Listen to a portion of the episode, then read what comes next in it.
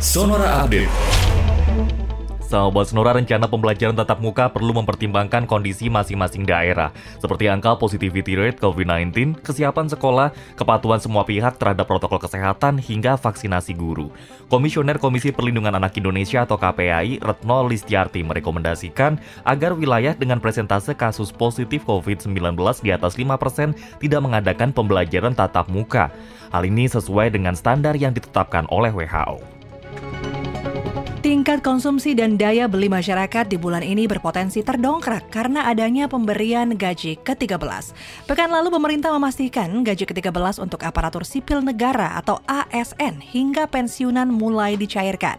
Namun cairnya gaji ke-13 tidak secara langsung mempengaruhi pergerakan indeks harga saham gabungan atau IHSG.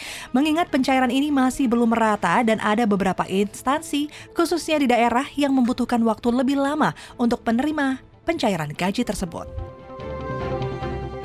Semua maskapai penerbangan penumpang yang terbang antara Inggris dan Amerika Serikat meminta pencabutan pembatasan perjalanan transatlantik yang diberlakukan untuk memerangi pandemi COVID-19.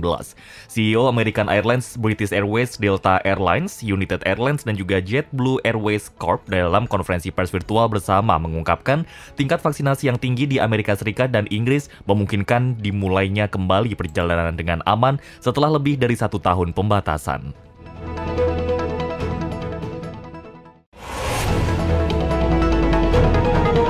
Demikian Sonora Update.